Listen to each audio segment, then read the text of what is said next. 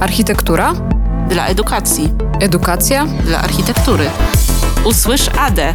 Zapraszamy na rozmowy o architekturze, przestrzeni wspólnej i edukacji. Zapraszamy do kolejnego odcinka podcastu Usłysz AD.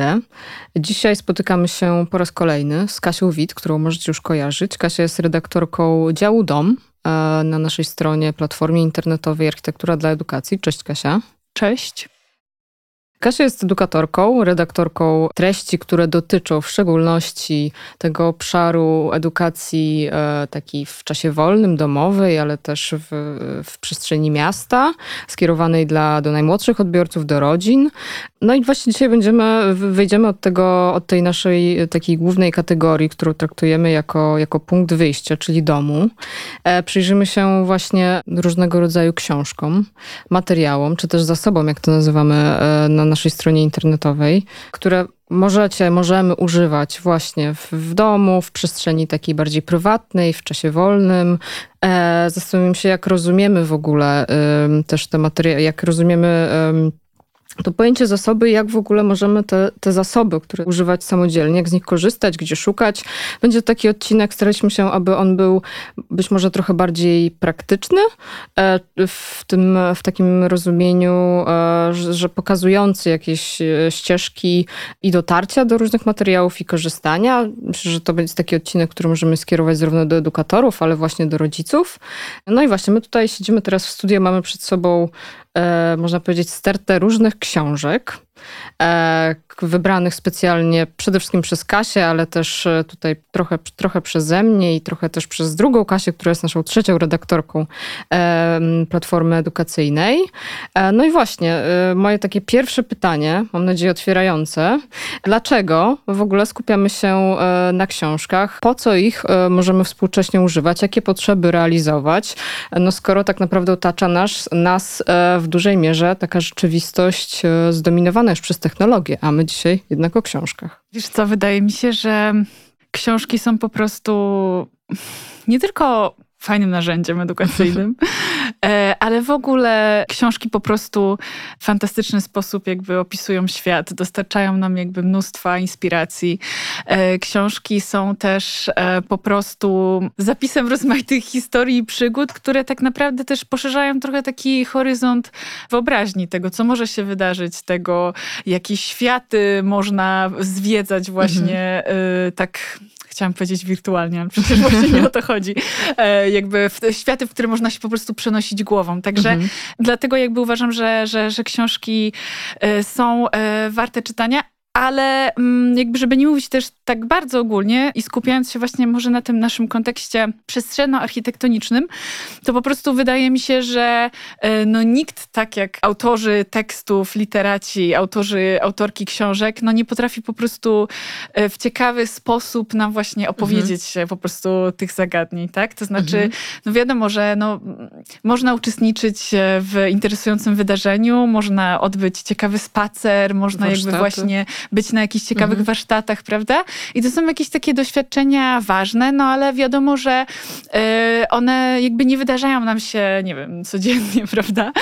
Y, natomiast książka to jest coś takiego, co zawsze jest pod ręką, co jest dostępne, mhm. do czego można sięgnąć, do czego można wracać. Ja na przykład kocham też to w książkach, że czytam sobie książki często po długim czasie i jakby mhm. sprawdzam, jak zmienia się moja ich percepcja. Myślę, że dzieci też to bardzo lubią, e, że że niektóre książki są po prostu z nimi latami i, mhm. jakby zupełnie inne rzeczy. Dorastają w jakimś tak, sensie tak, z nimi. Tak, zupełnie inne rzeczy nagle jakby e, zostają przez nich, nie wiem, jakoś zauważane, e, mhm. czy, czy, czy jakby zupełnie nowe rzeczy się tam pojawiają, jak mhm. jesteśmy starsi, czy jak jesteśmy już jakby po jakichś innych doświadczeniach. Ale cieszę że w sumie powiedziałaś o tym kontekście architektoniczno-przestrzennym, bo ja wprowadzając jakby, powiedziałam, że, że oczywiście rozmawiamy w kontekście e, nasze, naszego stworzonego wirtualnego świata, czyli architektury dla edukacji, no ale właśnie to jest taki świat, w którym mówimy o tym, e, czym jest edukacja architektoniczna i dlaczego ona jest ważna. Tak? No i tutaj e, myślę, że możemy trochę znowu wrócić do tego naszego hasła, od którego wychodzimy, czyli dom. I jakoś tak próbuję e, teraz zacząć przejść do, do, do, do jednej z pierwszych książek, którą mamy tutaj właśnie rozłożone. To są takie książki, które właśnie wybrałyśmy z taką myślą, żebyście potem mogli do nich w jakiś sposób wrócić. My je też podlinkujemy w opisie tego podcastu, tak żebyście, żeby to na pewno jakoś tam było łatwo dostępne. E, to są takie książki, które e, jakby polecamy, aby można było e, właśnie skompletować sobie być może w domu albo, w, albo znaleźć w jakiejś pobliskiej bibliotece. To jest też takie nasze, myślę, marzenie, aby, aby popularyzować w ogóle to zagadnienie edukacji architektonicznej, aby te książki dotyczące tego, tego obszaru, tego tematu były powszechnie dostępne.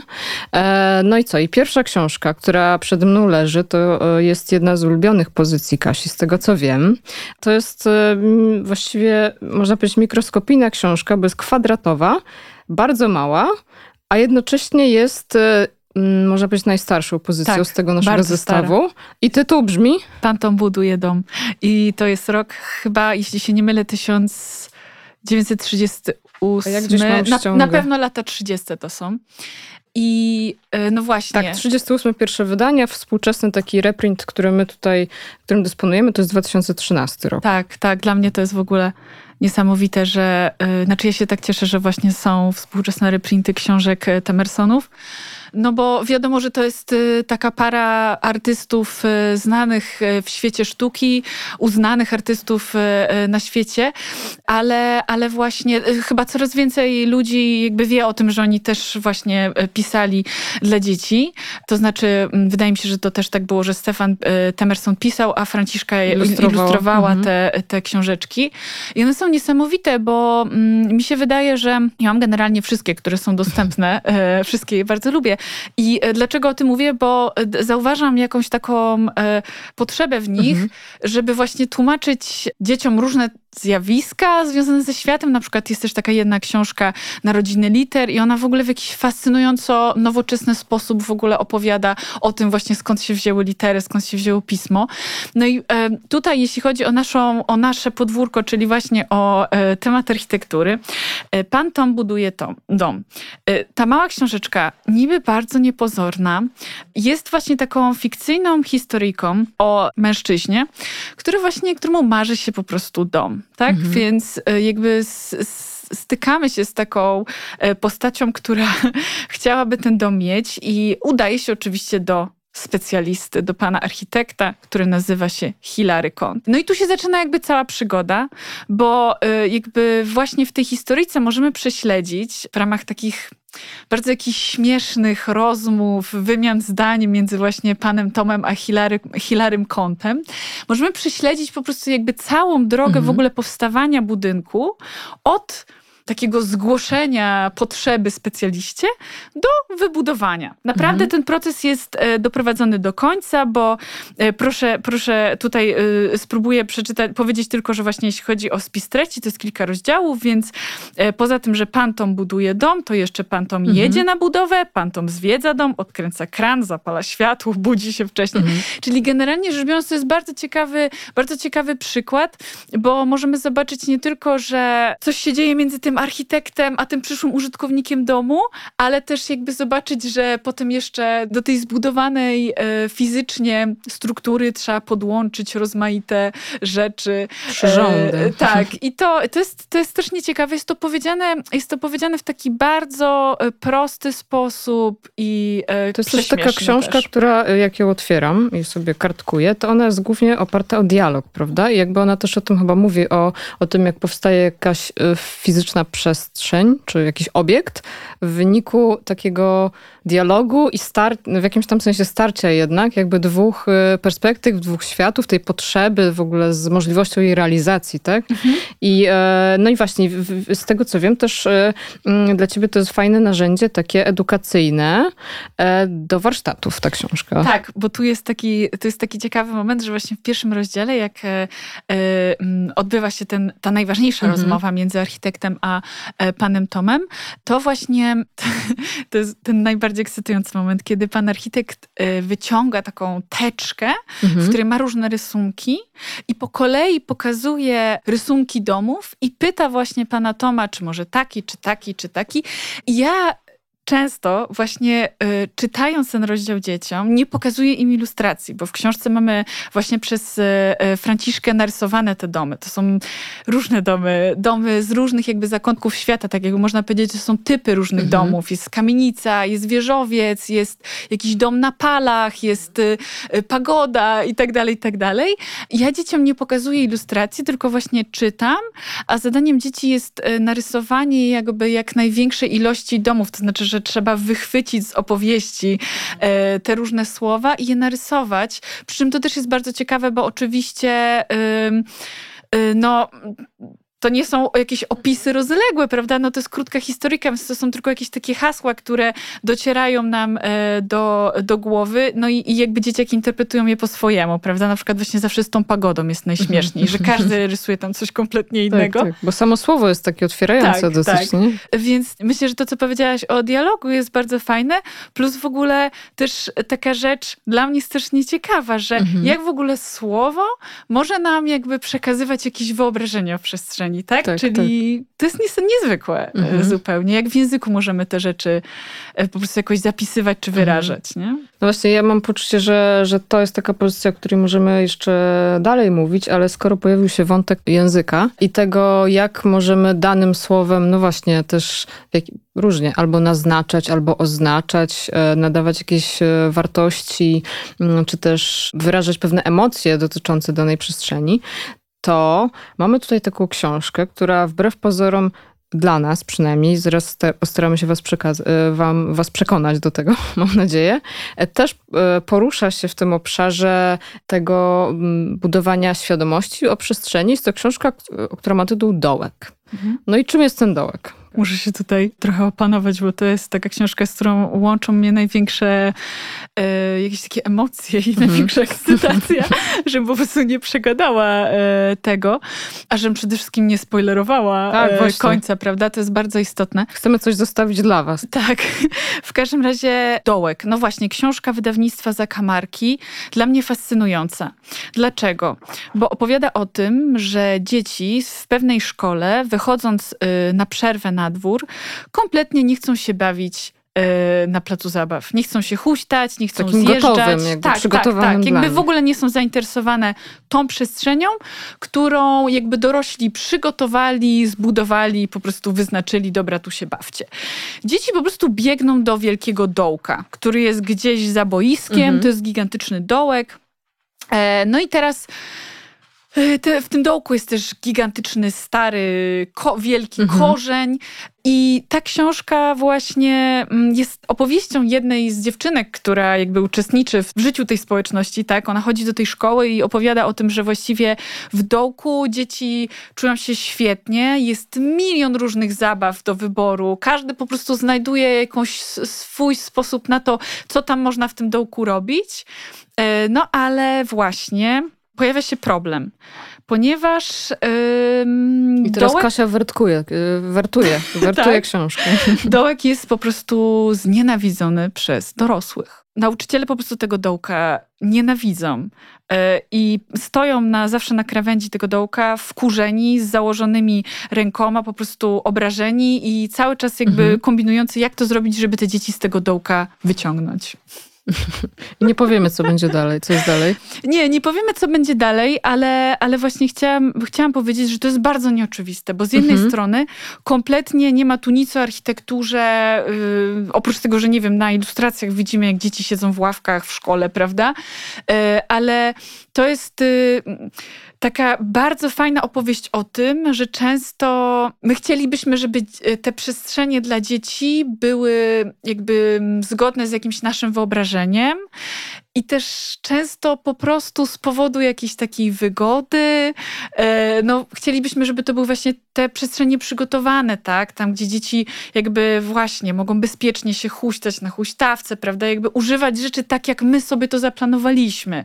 Tymczasem to, co właśnie wydaje mi się jest takie no szczególnie istotne dla, po prostu dla okresu zwanego dzieciństwem, e, to jest to, że po prostu dzieciaki same wybierają sobie te przestrzenie mhm. i że jakby czasami te miejsca, które dla nas są może jakoś kłopotliwe, albo nam się właśnie wydają jakoś super niebezpieczne i tak dalej, e, no to mogą być właśnie tym najlepszym miejscem do zabawy dla dzieci, tak? E, mhm. I że ten dołek jest właśnie takim po prostu jakąś kwitesencją e, kreatywności, więc mhm. ja bardzo polecam tą książkę właśnie dlatego, że ona może być chyba w ogóle takim super um, sposobem na to, żeby na przykład wspólnie, rodzinnie... No właśnie chciałam powiedzieć, znowu zbudować jakiś dialog, nie? Pomiędzy tym e, jakby, co jedna strona sobie wyobraża, a druga re, realnie by potrzebowała, tak? Tak, tak, że, że, że mi się wydaje, że to jest właśnie ekstra narzędzie, po prostu taki punkt wyjścia do rozmów, mhm. prawda? E, żeby weryfikować gdzieś tam swoje oczekiwania. No właśnie, bo ale to jest taka książka, ja na nią, patrzymy na nią teraz. Trochę mam takie poczucie, że, że wy jej nie widzicie, jak my o tym mówimy, więc postaram się ją narysować.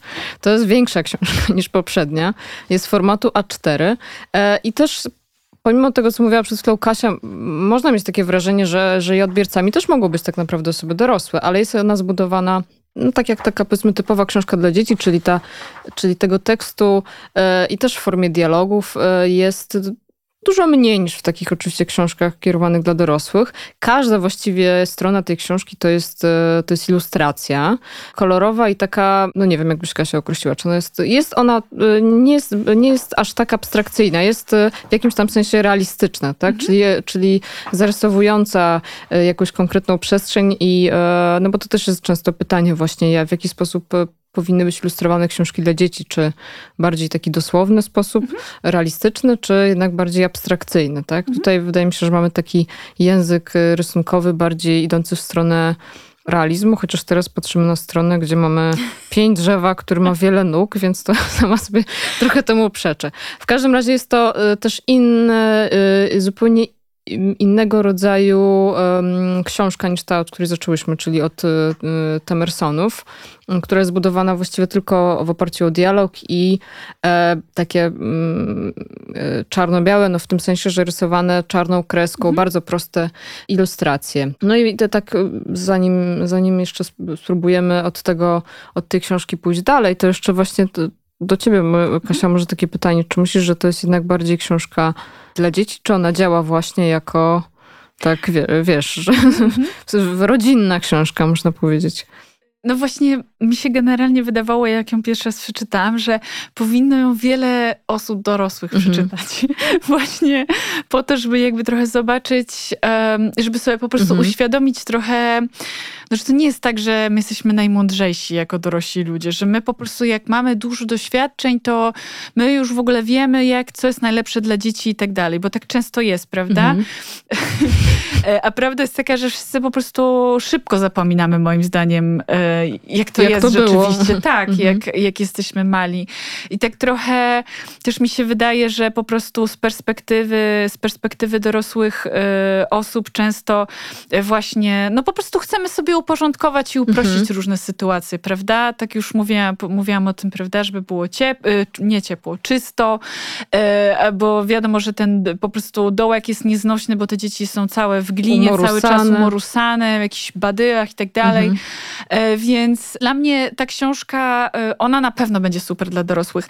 I dla mnie to jest bardzo duży zawsze walor. To znaczy, jeśli książka mhm. jest odkrywcza też dla dorosłych, to znaczy, że ona może coś zrobić też dorosłym w głowie, no to to jest w ogóle wspaniale, no bo to jest taki trochę tekst wieloadresowy, prawda? Mhm. Że, e, że jak sobie właśnie czytamy rodzinnie w takim mhm. tandemie osoba dorosłe, dziecko, no to, no to każdy coś z tego Wyniesie. ma. I to jest w mhm. ogóle wspaniałe. No bo takie, mhm. taką książkę trudno jest też zrobić, nie? To Dlatego prawda. polecam. No ale nie zdradzimy wam, co się dzieje z dołkiem. No nie, bo oczywiście, że to wtedy wszystko byśmy zepsuły. Tak, tak. więc zachęcamy do odkrycia, jaka jest, jak jest, no bo nie wiem, czy koniec, jaka jest po prostu dalsza historia dołka. Tak, po prostu to jest taka wojna między dorosłymi a dzieci, dziećmi, po prostu o ten dołek i musicie przeczytać, żeby się dowiedzieć, co tam ale, ale, z kolei idąc tropem takich e, właśnie, jak Kasia powiedziała, nieoczywistych e, propozycji, które w jakiś sposób dotykają przestrzeni, która nas otacza i tego, w jaki sposób my, my sami siebie w niej znajdujemy, e, samych siebie w niej znajdujemy e, i jak sobie swoje miejsce de facto też znajdujemy w tej przestrzeni i jak właśnie rodzic e, czy, czy opiekun może pomóc e, dziecku w znajdowaniu tego miejsca za pomocą na przykład różnych opowieści czy książek, to dochodzimy do książki, której akurat no, szukam teraz, chciałabym, żeby mi pomógł ten nasz stół, ale mi nie pomaga. Nie mamy jej w formie drukowanej. Jest to książka pod tytułem Ostatnie drzewo.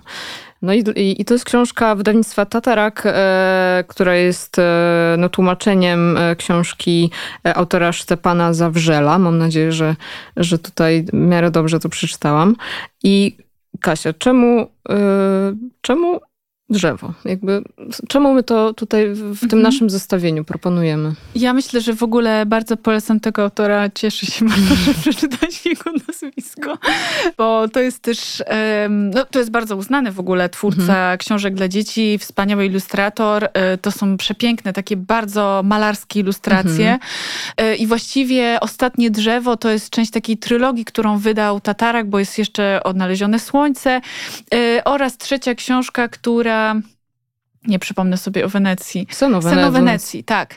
I dlaczego, dlaczego akurat te książki i dlaczego to spojrzenie, tak to spojrzenie mhm. tak, bo w ogóle ten autor jest akurat właśnie w tych trzech książkach bardzo mocno skupia się na relacji człowieka z przyrodą, ale właśnie w taki sposób, że również opowiada fikcyjne historie, jakby to są fikcyjni bohaterowie, to jest rzeczywiście jakaś taka narracja, ale ona zawsze jakby odsłania pewną taką prawdę o tym, jak bardzo zły wpływ ma człowiek na środowisko. To znaczy, jakby tam jest dużo właśnie takich wątków, e, czy związanych z kryzysem klimatycznym. Oczywiście to nie jest wypowiedziane tak bardzo wprost, ale chodzi mhm. po prostu o, o, o, nadużywanie po prostu tej swojej siły, prawda, czy, czy po prostu o dominacji człowieka, bo w, w ostatnim drzewie to jest taka historia o, e, o ludziach, którzy bardzo się ucieszyli, mhm. że do do ich miasteczka przybył ktoś, kto chciał właśnie kupić y, drzewa, tak? Mhm. Chciał, chciał po prostu jakby sięgnąć po ten zasób, no i, e, i, i, ludzie się cieszą i tak sprzedają te drzewa, kolejne wycinają, wycinają, sprzedają, sprzedają, aż w końcu właśnie doprowadzają e, to miasto do, do takiej sytuacji, w której już e, nawet ostatnie drzewo zostaje sprzedane gdzieś, gdzieś dalej i, i co, no i po prostu miasto zamienia się w pustynię jest takim miejscem, w którym już no, nie da się żyć i, i, mhm. i ci ludzie jakby kompletnie, dopiero wtedy jakby zaczynają rozumieć, co się tak naprawdę wydarzyło, że mhm. jakby to wszystko jest ze sobą powiązane i że człowiek jest po prostu zawsze próżny i zapatrzony, no bo oczywiście ci ludzie byli bardzo szczęśliwi, bo dostawali dużo pieniędzy od tych, mhm. tych którzy te drzewa pozyskiwali. Więc jest dużo, dużo w tej narracji jest po prostu takiej... Um, takiego wskazania y, na to, w jak bardzo złą stronę czy idzie, czy właśnie w mhm. odnalezionym słońcu bardzo podobnie jest też o tym, jak bardzo zmieniło się nasze życie, kiedy jakby odkąd mieszkamy w miastach, tak, że w zasadzie jakby w miastach nie ma już słońca, że w miastach, w mieście, które akurat jest gdzieś tam opowiedziane w, w, w tej książce, e, jest po prostu tylko szaro, wszystko jest zasnute smogiem i mhm. E, no, i, no i właśnie, no, dzieci szukają słońca, więc ja bardzo mhm. polecam te książki właśnie jakby z, te, z, tego względu, że no wiemy dzisiaj doskonale też, że przestrzeń to nie tylko ta przestrzeń, którą my sobie zabudowaliśmy, prawda? No i myślę, że to ja się może powtórzę, bo rzeczywiście często mówimy o tej edukacji architektonicznej, ale dla nas bardzo ważne jest y, pokazywanie, że często też y, są właśnie te dyskusje o tym, jak nazywać to, czym się zajmujemy i co chcemy propagować, popularyzować, czy jest to edukacja architektoniczna, przestrzenna, czy też środowiskowa. I ten kontekst właśnie relacji z tym ze środowiskiem naturalnym, przede wszystkim jakiegoś działania, które, którym wpływamy w ogóle na to środowisko, na tę przestrzeń jest to niezwykle istotny i nie powinien absolutnie przysłaniać, e, ta, ta nazwa edukacja architektoniczna nie powinna przysłaniać jakby absolutnie tego, tego kontekstu, tak? I, i dlatego też zdecydowałyśmy się, żeby, e, żeby być może to nie jest oczywiste, um, oczywisty nawet tytuł czy temat, ale absolutnie dopełnia w ogóle to rozumienie, czym ta edukacja o przestrzeni jest i, i, i jakie tematy, wątki warto E, no teraz już tak zabrzmie bardzo, już od najmłodszych lat warto, warto wprowadzać po prostu. A właśnie, ale, ale to jest ten świat taki bardziej bajkowy, znaczy też może jeszcze trochę wybrzmi nam ten świat bajkowy, ale mhm. taki świat um, opowieści, w których możemy wplatać jakieś wątki związane właśnie z, z, z relacją człowieka-środowisko, czy, e, czy, czy z kształtowaniem w ogóle własnego miejsca, czy też własnego domu. Widzę, że Kasia właśnie się zabrała za książkę, e, którą e, mm, akurat nie myślałam o niej teraz, ale ponieważ e, ewidentnie jakieś twoje skojarzenie poszło w tę Mhm, stronę, mhm. więc e, pociągnijmy ten temat. Nie, wiesz co, bo tak jak mówisz Mhm. o, tak jak mówisz właśnie o przestrzeni i o takim bardzo szerokim myśleniu po Mhm. prostu o tym, jak wiele tak naprawdę tam jest sfer życia, no wydaje mi się, że w ogóle ta nowoczesna edukacja, ona bardzo jednak stawia na to, żeby właśnie nie dzielić tego świata na jakieś tam, prawda, przedmioty. Mam tu na myśli jakby te przedmioty szkolne, prawda, że No tak, to tak, są jakieś tak. takie oddzielone od siebie, odseparowane Mhm. y, y, sprawy. Więc tak sobie pomyślałam, że skoro jesteśmy na przykład przy dewastacji e, środowiska naturalnego, o tym, że jakby bardzo się oddalamy gdzieś tam, jakby poprzez swój styl życia, e, oddalamy się właśnie od przyrody, czy może już dawno po prostu to, to gdzieś tam e, zrobiliśmy, no to też tak przy, przyszedł mi do głowy taki wątek też właśnie mm, ekologiczny, że to jest ciekawe, no bo przecież ekologia mm, w gruncie rzeczy też jest o bardzo wielu rzeczach. I ja na przykład czytając książkę, którą mam teraz w ręku, Przewodnik dla audiokulturalnych, e, miałam okazję mm, w pewnym momencie właśnie recenzować tą książkę i tak, miałam takie poczucie, że Jestem e, totalnie zaskoczona, jak dużo w ogóle teraz jest takiej też świadomości dotyczącej tego, jak dużo ciekawych rzeczy w ogóle dzieciom się dzisiaj opowiada i, i, i jak w ogóle właśnie specjaliści z różnych branż, w tym wypadku mamy e, Marcina Dymitera, który jest no właśnie specjalistą od dźwięku, e, jak, jak w ogóle w fantastyczny sposób się to robi, no bo no i nie wiem, podejrzewam, że pewnie jeszcze jakieś tam 20 lat temu, jak my byliśmy małe, no to po prostu ekologia, no to mm, po prostu w szkole mówiło się, dobra, no to trzeba sprzątać, segregować śmieci, prawda? I, no i w sumie na tym tyle, nie? Mhm. E, a, a, a ta książka, o której, którą, którą mam w ręku, czyli Przewodnik dla audiokulturalnych, to jest coś fascynującego, no bo nagle w taki super przystępny sposób, to, to, to akurat nie jest książka taka fikcyjna, w której są jakieś e, e, opowieści, opowieści. tylko bardziej to jest, taka, to jest taki trochę przewodnik, który opowiada jakby różne, przywołuje pewne takie Mhm. scenki, e, ale które są os- osadzone jakby w życiu każdego z Mhm. nas, nie? Jakieś takie relacje z sąsiadem, z tym, co się dzieje na podwórku i tak dalej, i tak dalej. E, I, no ale oczywiście czyni to wszystko z perspektywy dźwięku. Czyli mamy bardzo ciekawą jakby opowieść o przestrzeni, o naszym na przykład bloku, kamienicy, domu, podwórku, właśnie parku, mieście, z perspektywy tego, co się tam dzieje dźwiękowo. I to jest Mhm. zupełnie, zupełnie niesamowite, że na przykład właśnie y, można, dzieci się mogą dowiedzieć z tej książki, co to jest w ogóle pejzaż dźwiękowy, co się na niego składa. Y, jak to- oni sami się dokładają do tego pejzażu na przykład też, nie? tak, dokładnie, dokładnie. Na przykład, co to jest, tak tutaj patrzę, co to są dźwiękowe oazy, co to jest smog akustyczny. I to jest w ogóle niesamowite, nie? Że, e, że można się już, będąc małym człowiekiem, takich, e, takich rzeczy uczyć. I e, to, co mi się bardzo w tej książce podoba, to że tutaj autor w ogóle też tak nie, e, nie, nie jest taki na siłę Mhm. dydaktyczny. To znaczy, to nie jest tak, że e, po prostu autor mówi, to jest złe, to jest złe, tu po prostu, prawda, to wszystko jest bez sensu, wyprowadźcie się z miasta i żyjcie na dziko gdzieś tam w lesie. E, Tylko w taki naprawdę bardzo mądry, przystępny Mhm. sposób jakby tłumaczy te wszystkie zależności, Mhm. ale też jakby zachęca do takiego zadbania o siebie, czyli na przykład właśnie w, gdzieś tam w w jednym z, z rozdziałów, no bo na przykład chciałam powiedzieć, że y, y, drugi rozdział brzmi tak, y, znaczy drugi rozdział y, zatytułowany jest przestrzeń wspólna, trzeci przestrzeń prywatna, więc to też jest takie trochę wskazanie, prawda, co w tych danych przestrzeniach jakby Wybrzmiewa na przykład. wybrzmiewa, na Mhm. co można sobie pozwolić. Na przykład to też jest właśnie trochę taki savoir vivre, tego, że może nam nie przyjść do głowy, że coś komuś przeszkadza, prawda? Mhm. Albo, albo jakby właśnie e, jak dużo użytkowników tak naprawdę jest w tej przestrzeni wspólnej. E, A w ostatnim rozdziale, o czym właśnie chyba najbardziej chciałam powiedzieć, że Autor e, zachęca dzieci też do tego, żeby e, e, zadbać o siebie w takim sensie, żeby na przykład raz na jakiś czas odciąć Mhm. się od różnych dźwięków, Mhm. e, właśnie odciąć od, od różnych bodźców, gdzieś tam starać się właśnie jakoś, mm, no nie wiem, czasami po prostu trochę inaczej spróbować sobie pofunkcjonować na co dzień. To jest strasznie, strasznie ciekawe, nie? Żeby też tak zmysłowo popatrzeć na, na przestrzeń. Mhm. No, tak jak powiedziałeś, y, jak byłyśmy małe. Ja, y, rzeczywiście, bo jak y, mówisz o tym, że ta książka też trochę tak się stara zaopiekować jednak tym czytelnikiem. Tak mhm. jak z tego przynajmniej jak też opowiadałaś o tym, jak te rozdziały się rozkładają. I wskazuje nie tylko na to, co się dzieje wokół, ale w, jak, w jaki sposób ja, ma, ja mam wpływ też na to, co się dzieje, ale jak mogę w tym wszystkim zadbać o siebie. To mi się bardzo też spodobało, co podkreśliłaś. I to też wydaje mi się tak jakoś wpisuje się w takie bardziej nowoczesne niż to, które my mamy to doświadczenie, e, spojrzenie na edukację w ogóle, nie tylko na tę edukację o środowisku czy tam o przestrzeni po prostu, to mamy dwie takie pozycje, które właściwie mogą funkcjonować zarówno, zarówno być używane przez edukatorów, jak i, i właśnie przez e, rodziny.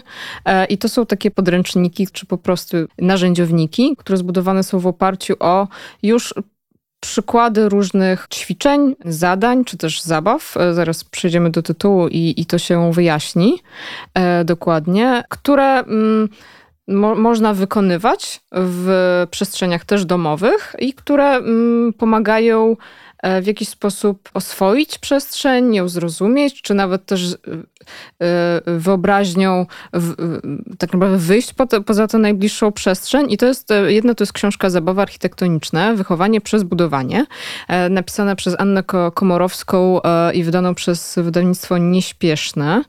Mm, to jest książka, która tak naprawdę jest podsumowaniem wielu lat praktyki zarówno architektonicznej, jak i takiej związanej z edukacją domową. E, I tutaj myślę, że też właśnie wybrzmiewa takie bardzo sięgające w przyszłość podejście do edukacji w ogóle, mhm. tak? I takiego właśnie to, co powiedziałaś, interdyscyplinarnego, e, szukającego relacji pomiędzy różnymi obszarami, no można, można to odwołać do szkoły, czyli przedmiotami, tak? tak? A druga to jest laboratorium architektury i które z kolei zostało wydane przez Muzeum Architektury we Wrocławiu. E, I to też jest taka książka, książka. Właściwie e, ona jest dostępna e, w formie też PDF-a, którego PDF-u, PDF-a, mhm. którego można sobie pobrać i każde z tych propozycji, ponieważ jest to książka też ilustrowana, ale jednak zawierająca trochę wiedzy, trochę, no właśnie, zadań, tak, tak, które, które, ćwiczeń, które można, mm, e, można mm, samodzielnie z dziećmi wykonać także w przestrzeni e, domowej.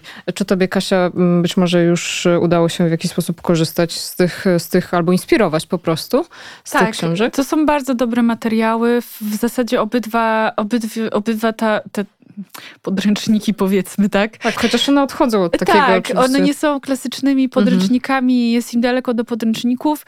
Obydwa są dosyć stosunkowo nowe, mhm. bo zabawa architektoniczna chyba jakoś wyda... To chyba jest zeszły rok, zeszły prawda? Rok, tak. Zeszły rok miały swoją premierę chyba na jesieni. Laboratorium Architektury to w ogóle jest świeżutka sprawa. E, no i zaczynając od, e, zaczynając może właśnie od zabaw architektonicznych, no to tu rzeczywiście mm, Marta już powiedziała, powiedziała sporo o, e, o autorce, że, że to jest jakby właściwa osoba do, do stworzenia takiej książki. Ja chciałam tylko właśnie dodać, bo e, też ja, ona, Ania Komorowska zawsze mi się bardzo jakoś wiąże z dołkiem, no bo właśnie jako architektka, proszę sobie wyobrazić, że specjalizuje się właśnie w projektowaniu takich naturalnych placów zabaw, takich alternatywnych przestrzeni. Też jedna z jej książek właśnie, którą, którą też wydała w wydawnictwie nieśpiesznym, bo to jest jakby też jej wydawnictwo. E, to jest też taka książka o tym, jak zrobić kuchnię błotną. Także jakby to jest w ogóle specjalistka w zakresie tego, jak można e, w ciekawy sposób e, urządzić przestrzeń dla dzieci, właśnie nie budując huśtawek zjeżdżalni, tylko właśnie, tak, tylko właśnie po prostu zrobić autentycznie coś takiego, co, co będzie bardzo, bardzo interesującym doświadczeniem. E, I, no i właśnie y, ja, ja myślę sobie, tylko jeszcze spojrzę, ile dokładnie jest tych, bo zawsze zapominam. Tych zabaw. E, tych zabaw, bo e, Ania tutaj je ponumerowała. E, 70 76. Dobra, więc jakby ta książka, ona jest super praktyczna, bo na początku e, dostajecie po prostu bardzo merytoryczny wstęp dotyczący tego, dlaczego w ogóle sięgać po te zabawy architektoniczne, co to znaczy to wychowanie przez budowanie. Tutaj Ania ma właśnie swój cały taki, to, to doświadczenie tego, że sama wychowuje synów też, znaczy, że, że, że edukuje w, w, w edukacji domowej i, i w tym wstępie naprawdę dostaje się bardzo solidny E, solidne takie e, e, przekonanie, że, że to wszystko jest ciekawe i potrzebne i bardzo rozwijające dla, dla dzieci. No a potem mamy 60, 76 po prostu mega konkretnych zabaw i to jest fascynujące. To jest to, co bardzo trudno w ogóle jakby jest często osiągnąć. To znaczy, z jednej strony proszę zobaczyć, że mamy specjalistkę, która jakby no, świetnie się z, jakby realizuje i jako edukatorka, i architektka. Ja czasami sobie myślę, że no jakby często te specjaliści mogą na przykład mieć pewne, no nie wiem, nie wiem, czasami może używają specjalistycznego języka, prawda, mhm. i tak dalej, i tak dalej. Natomiast Anna Komarowska jakby kompletnie tak robi te ćwiczenia, że każdy może z nich korzystać. Znaczy one są super przystępne i jakby nie ma tam żadnego, y, moim zdaniem, I takiej bariery, po, nie? Tak, i nie trzeba ich też robić po kolei w ogóle. Tak. Można tak naprawdę otworzyć tę książkę, poza super wstępem, o którym Kasia przed chwilą mówiła. Wystarczy otworzyć na dowolnym stronie, na dowolnej stronie, na dowolnym, dowolnej zabawie e, i opis każdej z tych zabaw zajmuje, no, to jest książka w formacie A5, czyli y, trochę mniejsza niż poprzednie. I opis każdej z tych zabaw zajmuje właśnie nie wiem, pół tej strony e, i to jest coś, co naprawdę y, no, można po prostu w dowolnym momencie otworzyć i, i zająć sobie chociażby nawet pół godziny czasu, czy godzinę, jeżeli mhm. jest to wolna przestrzeń, tak? Tak, tak, bo te zabawy jakby, ja myślę, że właśnie to słowem kluczem jakby jest właśnie, są te zabawy, nie? Mhm. Że, y, że to ma być przede wszystkim dobrze spędzony czas, ale przy okazji tam się coś ciekawego dzieje, mhm. prawda? Bo czasami y, to jest jakieś właśnie takie wyzwanie polegające polegające na tym, że zbudujcie coś tam, prawda? A czasami y, to są właśnie takie mm, jakby małe aktywności, ale które też są ciekawe, że tam trzeba coś zmierzyć, coś mhm. tam sobie poukładać, przemyśleć. Y, no, ja uważam, że naprawdę dla kogoś, kto, kto chciałby sięgnąć po coś takiego, ale no na przykład, nie wiem, no nie czuje się na siłach, żeby robić jakieś wielkie scenariusze, wielkie warsztaty architektoniczne. Myślę, że świetnie od, od czegoś takiego zacząć, no bo to jest w ogóle nawet dla nieedukatorów i nie no nauczycieli, no właśnie, tylko tak, tak. dla każdego rodzica. Myślę, że to może być bardzo inspirujące mhm. po prostu. W takim razie, czym by się wyróżniły mhm lub w jaki inny sposób mogą e, inspirować ćwiczenia, czy mhm. też, bo to już nie zabawy, ale ćwiczenia z laboratorium architektury. Tak, wydaje mi się, że przynajmniej z tego co wiem, e, bo laboratorium architektury to jest jakby też znowu podsumowanie pewnego procesu, bo mhm. E, Agnieszka Gola i Patrycja Mazurek z Muzeum Architektury we Wrocławiu właśnie przeprowadziły cały taki projekt i myślę, że to jest ważne pewnie, żeby o tym powiedzieć, że przygotowały różnego mhm. rodzaju naprawdę fajne materiały edukacyjne, takie różnego rodzaju narzędzia. Ja to podglądam co prawda na Instagramie, jakby co one tam z tymi dzieciakami używają, jakie mają e, niesamowite jakieś właśnie e, e, takie makiety, jakieś takie różne przyrządy do ryso ułatwiające rysowanie żółtu. No, mhm zachęcam y, do sprawdzania właśnie też profilu Laboratorium Architektury. W każdym razie prowadziły różnego rodzaju warsztaty y, z dzieciakami i ta publikacja jest takim po prostu podsumowaniem tych doświadczeń. Wydaje mi się, że to, co jest straszne, znaczy co jest bardzo ważne y, w tej publikacji, też to jest takie postawienie na zmysły. To się bardzo jakby wybija z, z niej, że autorki zdecydowały się trochę pokazać tą architekturę i w ogóle przestrzeń od tej strony nie tylko, że to są jakieś budynki do oglądania, prawda, o których można rozmawiać, e, które można, nie wiem, rysować, projektować, ale że przede wszystkim w przestrzeni jest mnóstwo takich jakby komunikatów dla naszych zmysłów, prawda, że... że Możemy się jakoś czuć albo nie czuć tak, w danej tak, przestrzeni. Są tak, różne wrażenia, że y, architektura, przestrzeń oddziałują na wzrok, ale też na, y, nie wiem, węch, y, smak, dotyk, dotyk i tak dalej dalej. I to wszystko jakby tutaj wydaje mi się, że zostało tak uprawomocnione, pokazane, mhm. że, że te wszystkie wrażenia mogą być w jakiś sposób interesujące, że to się wszystko składa na to właśnie takie nasze ludzkie doświadczenie. No, no więc, że jest to ważne, prawda? Tak, tak, więc wydaje mi się, że to też można wszędzie e, używać. To znaczy, można sobie wydrukować chyba tą publikację, bo ten PDF jest dostępny, więc można sobie wydrukować, korzystać w domu, e, ale też myślę, że świetnie e, mogłoby to działać w szkole po prostu. To znaczy, te, kiedy sobie na przykład wybierzemy jakiś tam temat, czy zakres, czy ułożymy sobie z kilku właśnie mhm. ćwiczeń, mhm. powiedzmy tych rysunkowo-projektowych, czy takich właśnie refleksyjnych, prawda, dotyczących naszych odczuć, możemy sobie złożyć z tego fajną lekcję mhm. i, i po prostu poszerzyć, poszerzyć ten, poszerzyć ten temat. Wydaje mi się, że też dobre jest, znaczy dobre, ciekawe akurat jest w tej publikacji to, że tutaj nie mamy chyba za bardzo konkretnych budynków. Znaczy, tam są jakieś przykłady, coś tam się pojawia, ale chodzi mi o to, że ona jest jakby o tyle uniwersalna, że to jakby można używać w każdym mieście. W każdym mieście, w dowolnym, dowolnym miejscu. Hm? No właśnie, a propos, bo, bo jest to taki materiał, taka książka, która y, działa dla różnych y, odbiorców. Tak jak powiedziała Kasia, może być wykorzystywana zarówno przez edukatorów, y, ale też w tej przestrzeni takiej domowej, powiedzmy, której dzisiaj dotykamy. Ale teraz, no właśnie, trochę zmienimy skalę i, i chcemy opowiedzieć jeszcze o E, zobaczymy o, chyba o dwóch książkach, e, które dotyczą e, przestrzeni miejskiej, ale są to książki obie dla dzieci. I pierwsza już ma to miasto w tytule, to jest Miasto Potwór. Mhm. I wydaje mi się, że ono też troszeczkę dotyka no nie tylko relacji, jakie zachodzą w mieście, ale odczuwania tego miasta. Ale Kasia, jakbyś mogła przybliżyć, o co chodzi z tym potworem. I jak w ogóle, bo to jest mhm. znowu książka, która jest większa.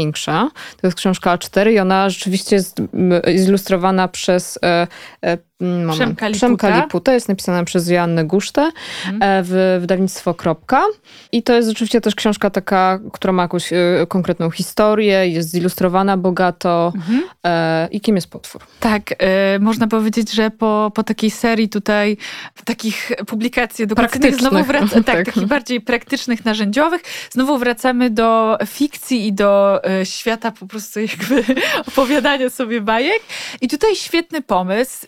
I znowu, wydaje mi się, tak, zastanawiałam się nad tym, że właśnie w sumie um, nie jest jakby rzeczą trudną um, zrobić atlas architektoniczny dla dzieci. Mamy takie na rynku i one są dobre, fajne. My trochę szczerze mówiąc, celowo sięgnęłyśmy. Dzisiaj. Tak, sięgnęłyśmy po, tak, po trochę takie mniej oczywiste mhm. rozwiązania, no bo um, opowiedzieć architekturę, czy jakiś Historię problem związany na przykład tak. z miastem, mhm. opowiedzieć właśnie w formie takiej bajki. Oczywiście można, ale, ale to też nie jest łatwo, łatwe, żeby zrobić to dobrze i właśnie w ciekawy sposób. Miasto, potwór, moim zdaniem się świetnie jakby wpisuje właśnie po prostu takie no dobre wykorzystanie pewnej jakiejś takiej figury, e, bohatera do tego, żeby e, pe pewien problem przedstawić, który jest super złożony, bo generalnie w tej książce chodzi o estetykę miasta, mhm. o ład taki estetyczny, bo tutaj jakby właśnie, właśnie e, na tym się ona e, najbardziej e, skupia. I no właśnie, ta figura bohatera. Mamy po prostu potwora, który pewnego dnia wyłania się z po prostu czeluści jakiegoś morza i dociera do miastoszewa. I to jest właśnie on jest niby straszny, ale tak naprawdę bardzo szybko zaczynamy tego potwora lubić, no bo okazuje się, że on przyszedł po prostu to miasto zjeść, mhm. ale jak to miasto zobaczył, to uznał, że ono po prostu jest tak brzydkie i straszne, że on nawet nie ma zamiaru takiego, e, takiego miasta zjadać, bo pewnie mu nie zasmakuje. No i to jest w ogóle też ciekawe, bo, po, mm, bo to jest też przełamanie pewnego takiego stereotypu, bo po potworze spodziewam się tego, że on właśnie w ogóle nie ma manier, że jakby estetyka dla niego nie odgrywa żadnej mhm. roli, że ten potwór po prostu jakby, mm, no nie wiem, jest niekulturalny mhm. na przykład. E, tymczasem ten nasz potwór okazuje się, że on jakby się bardzo dobrze zna na miastach i że on na przykład wie, że nie można sobie malować elewacji e, w kolorach na przykład właśnie pastelowych i każdy budynek jest inny obok siebie. On to doskonale wie. I on na przykład też wie, że mm, reklamoza nie robi dobrze miastom. I on tego wszystkiego uczy mieszkańców, to znaczy im tłumaczy, że słuchajcie, no, no musicie się za to wziąć. I tak naprawdę w jakiś taki śmieszny sposób motywuje tych ludzi, żeby mhm. się wzięli do roboty. I, I ci ludzie rzeczywiście to miasto zmieniają małymi krokami. To jest jakby dla nich proces. E, no ale to się jakby wydarza i dla mnie no to jest, to jest tak ciepłe. Jest w tym coś takiego, że myślę sobie, że ta książka y, jakby, tak jak powiedziałam, problem jest o, przecież szalenie obszerny, złożony, mhm. jakby wielopoziomowy, prawda? Jakby mhm. można by było z tej estetyce miasta mówić, y, prawda, wykłady całe i po prostu pisać tomiszcza. Natomiast właśnie ten sprytny sposób jakby przedstawienia tego w narracji sprawia, że naprawdę wydaje mi się, że nawet bardzo małe dzieci mhm. jakby są w stanie tą historię w pełni e, jakby przyswoić i dla nich jakby to jest taka bardzo przystępny sposób w ogóle Czy mówienia Same też w stanie, e, są w stanie uczytać, prawda? Tak, Czy przeglądać, tak, prawda? Tak, no. Jest nie, to, to jest niesamowite, więc. Polecamy. Tak, bardzo. I mamy jeszcze drugą książkę, która y, również w tytule ma miasto. I to jest książka, mm, którą wydaliśmy my, czyli Narodowy Instytut Architektury i Urbanistyki. I trochę ją zostawiliśmy na koniec, ale no też, żeby nie było, że na początek y, się chwalimy tym, co sami zrobiliśmy. E, jest to książka Mały Architekt Przybornik do oglądania miasta. I to jest y, o tyle unikalna, wydaje się mi, i dosyć obiektywnie pozycja, która jest w formie formie takiej e, walizeczki, można powiedzieć, która się składa z e, książki, a także tytułowych przyborów, e, które można mm, wykorzystać do eksplorowania samodzielnego miasta. Książka też jest takim przewodnikiem, który dotyka tematów związanych z, z projektowaniem e, zarówno przestrzeni, jak i budynków. Z tym, jak w jaki sposób się też odbiera, to, e, odbiera przestrzeń i miasto.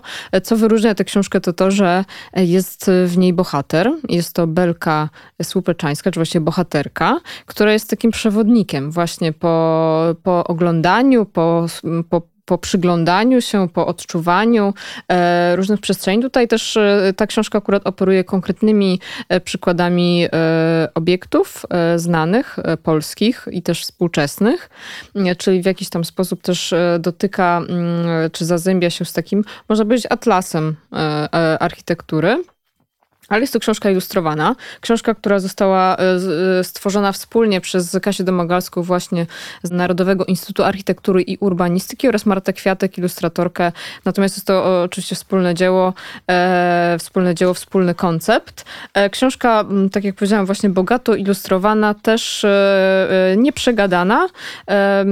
no i, i to, co przede wszystkim wyróżnia, to te przybory, które jej towarzyszą i zachęcają do tego, żeby, żeby wyjść E, z domu w przestrzeń miejską e, samodzielnie albo też z rodzicami, opiekunami i za pomocą linijek, e, co my tam mamy, takie przyrządy do kadrowania, tak. okulary. Takie folie, przez które tak. się ogląda, prawda? Można w, w, różny sposób zobaczyć tę przestrzeń przy pomocy tych, tych narzędzi. I to też jest taka pozycja, którą, czy książka, czy właśnie ta walizeczka właściwie, którą wam no, serdecznie polecam polecamy. I, i, i ona właśnie tak jak ona, ona może działać e, zarówno w tej przestrzeni miejskiej, jako narzędzie takie do eksplorowania, jak i w, w domowej już do, do, do, do czytania i wspólnego przyglądania się wraz z bohaterką Belką różnym przestrzeniom i obiektom.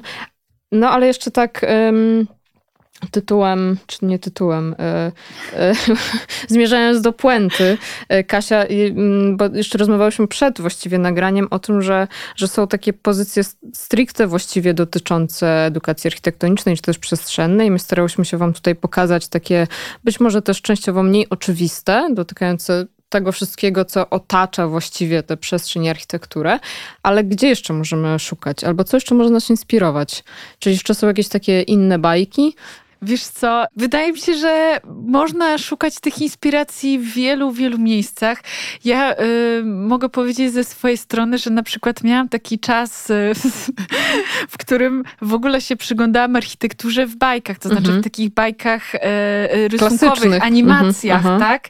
I do tego też zachęcam, bo to jest bardzo ciekawe. Może to się wydaje banalne, y, może to się komuś wydać głupie, no bo y, czy rzeczywiście potrzebujemy przyglądać się architekturze w bajce właśnie animowanej, skoro jakby mamy ją w świecie realnym. No generalnie mm, wydaje mi się, że to też jest jakiś taki ukłon po prostu w stronę dzieci, to znaczy, żeby jakby sięgnąć po coś, co jest im bliskie i jakby po prostu sprawdzić, e, znaczy jakby pokazać im, że to też nie jest przypadkowe. To znaczy mhm. na przykład jak się zaczynamy e, wkręcać w takie mm, mm, po prostu zastanawianie się, w jakich domach mieszkają różni bohaterowie, prawda? Mhm. Że e, ktoś mieszka w grzybie, a ktoś, kto jest bardzo smutny, bardzo, bardzo smutny, mieszka na przykład w takim namiociku z drewnianych gałązek, czyli mhm. na przykład kłapouchy, prawda?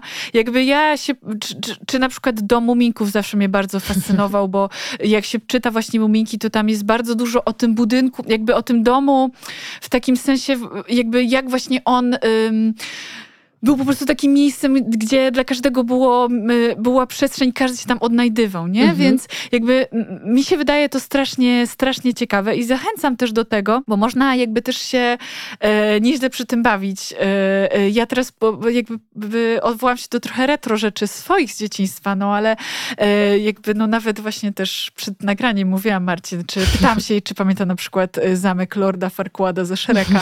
E, jakby to wszystko nie są przypadkowe rzeczy i myślę, że fajnie fajnie, fajnie jakby się im przyjrzeć, jakoś tam wyciągnąć tą architekturę z tych fikcyjnych światów i jakby zobaczyć, jak ona została Co ona wyraża w ogóle tak, też. Tak, bo ona zawsze ma jakby wpisane, mhm. ci ludzie, którzy ją rysowali, ona jakby zawsze wyraża po prostu e, jakby chęć jakiegoś tam powiedzenia czegoś o, mhm. o, o, o swoich użytkownikach. Mhm. No i y, ostatnia rzecz, no to przecież właśnie ta bajka, która, bo też się nad tym zastanawiałam, czy jest jakaś po prostu taka opowieść, opowieść baśniowa, która jest z nami od dawna mhm. i która jest w architekturze.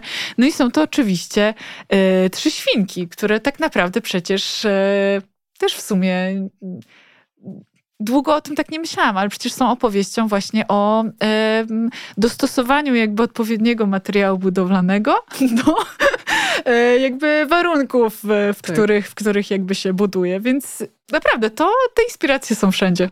A jeśli nie pamiętacie, e, o co chodzi w tej bajce, to też zachęcamy do powrotu albo do przeczytania po raz pierwszy. Tak jak powiedziałyśmy we wstępie, wszystkie książki, o których dzisiaj mówiłyśmy, znajdą się w opisie odcinka, tak żebyście mogli do, do nich spokojnie wrócić. E, o większości z nich piszemy też na ADE, czyli na Platformie Architektura dla Edukacji, gdzie znajdziecie jeszcze więcej materiałów, zasobów, e, ale też e, nie tylko książek edukacyjnych i nie tylko takich, które możecie używać właśnie w przestrzeniach domowych, ale, ale też dzisiaj się akurat dotykaliśmy taki, tego obszaru, ale na ADE znajdziecie też zasoby takie stricte dedykowane edukatorom, czy właśnie też aktywistom miejskim, czy po prostu pasjonatom przestrzeni miejskich, czy architektury, czyli e, materiały dla różnych grup odbiorców.